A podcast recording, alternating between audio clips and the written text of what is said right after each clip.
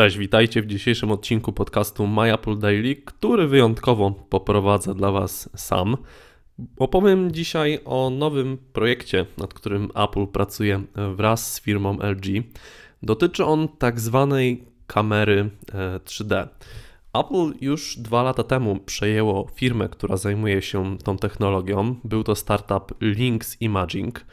E, który specjalizował się właśnie w kamerach z podwójnymi matrycami i obiektywami. I stworzone przez tą firmę e, rozwiązania pozwalały na przechwytywanie nie tylko dwóch, dwuwymiarowych mm, obiektów, ale i trójwymiarowych. Prawdopodobnie część tej technologii została wykorzystana e, już w iOS 10.1 i w iPhone 7 Plus. Dzięki temu te zdjęcia w trybie portret, które wykonujemy, mają te rozmyte tło stylizowane na efekt bokeh. I przez to, że aparat rozpoznaje głębie ostrości w jakimś tam niewielkim stopniu przynajmniej, e, no to to rozmycie nie jest e, cały wokół obiektu takie same, tylko im dalej jakby, tym jest e, większe. Prawdopodobnie w przyszłym roku, jeżeli te prace z LG przebiegną pomyślnie, ta technologia zostanie jeszcze bardziej rozwinięta co może nie tylko być związane właśnie z lepszym efektem bokeh, z lepszym efektem e, rozmycia mm, tła, ale również z możliwością takiego mapowania fizycznych obiektów e, do trójwymiaru, do wirtualnej formy. E, tego typu rozwiązania są już na rynku od jakiegoś czasu. One wszystkie znajdują się nadal w dosyć wczesnym, wczesnej fazie rozwoju. Między innymi w zeszłym roku coś takiego pokazał Microsoft. E, kilka niezależnych firm, startupów technologicznych również publikowało pierwsze swoje prace e, związane właśnie z takimi rozwiązaniami. Jedną z nich e, umieściłem we wpisie do tego odcinka podcastu, także jeżeli jesteście zainteresowani, to możecie zobaczyć, jak to wygląda.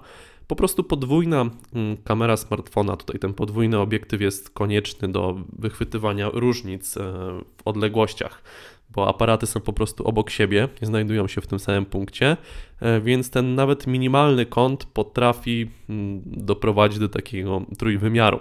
Podobnie jak ludzkie, jak człowiek e, widzi w trójwymiarze, e, dzięki temu, że jego oczy nie znajdują się w tym samym punkcie, tylko mimo wszystko ta mała różnica, te kilka centymetrów, pozwala no na lepsze widzenie, że tak powiem kolokwialnie.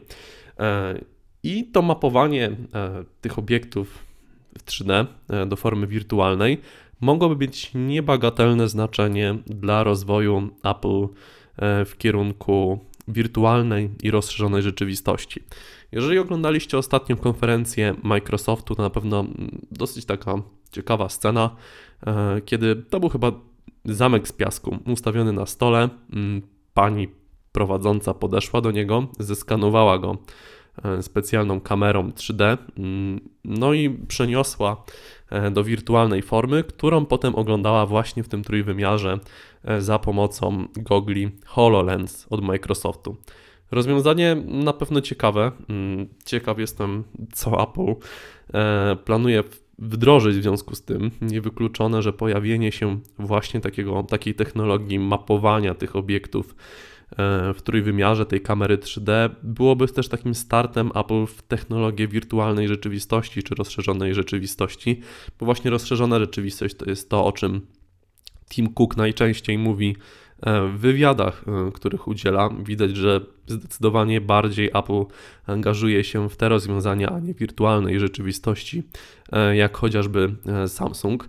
Więc możliwe, że z takim iPhone'em e, zadebiutowałyby też jakieś gogle, okulary, soczewki. No tego na razie nie wiemy. Wiemy na pewno, że Apple pracuje nad goglami mm, do wirtualnej, rozszerzonej rzeczywistości, ale jaką formę przyjmują obecnie te prace, no tego na razie e, nie udało się jeszcze e, nikomu dowiedzieć. Prawdopodobnie ze względu na to, że ta kamera 3D będzie wymagała podwójnego obiektywu, podwójnej matrycy, trafi ona tylko do większego wariantu iPhone'a 8 e, czy 7S, zależnie jak on będzie się nazywać.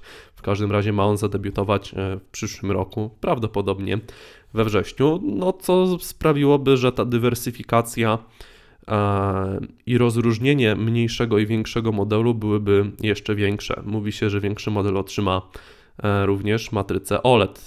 Także o ile w przypadku iPhone'a 6 tak naprawdę poza oczywiście rozmiarem różnica wynika tylko ze stabilizacji kamery, tak, teraz no coraz te różnice są większe. W iPhone 7 mamy już oczywiście podwójną kamerę e, z możliwością zbliżenia dwukrotnego optycznego. E, jeżeli Apple faktycznie by się zdecydowało w przyszłym roku na taki, a nie inny ruch, o którym mówiłem, no to te różnice byłyby jeszcze większe, co myślę, że nie usatysfakcjonowałoby wielu e, potencjalnych klientów, którzy jednak wolą ten mniejszy rozmiar. Ja sam się zresztą do nich zaliczam.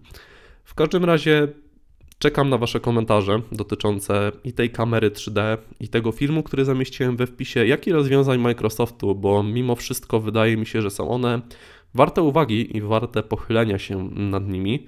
E, no i tego, czy to dobrze, że Apple coraz bardziej różnicuje mm, swoje smartfony, nie tylko rozmiarem, ale właśnie technologią, pewnymi rozwiązaniami, które się w nich e, znajdują. To już wszystko na dzisiaj. Słyszymy się już jutro. Także do usłyszenia. Cześć i miłego wieczoru.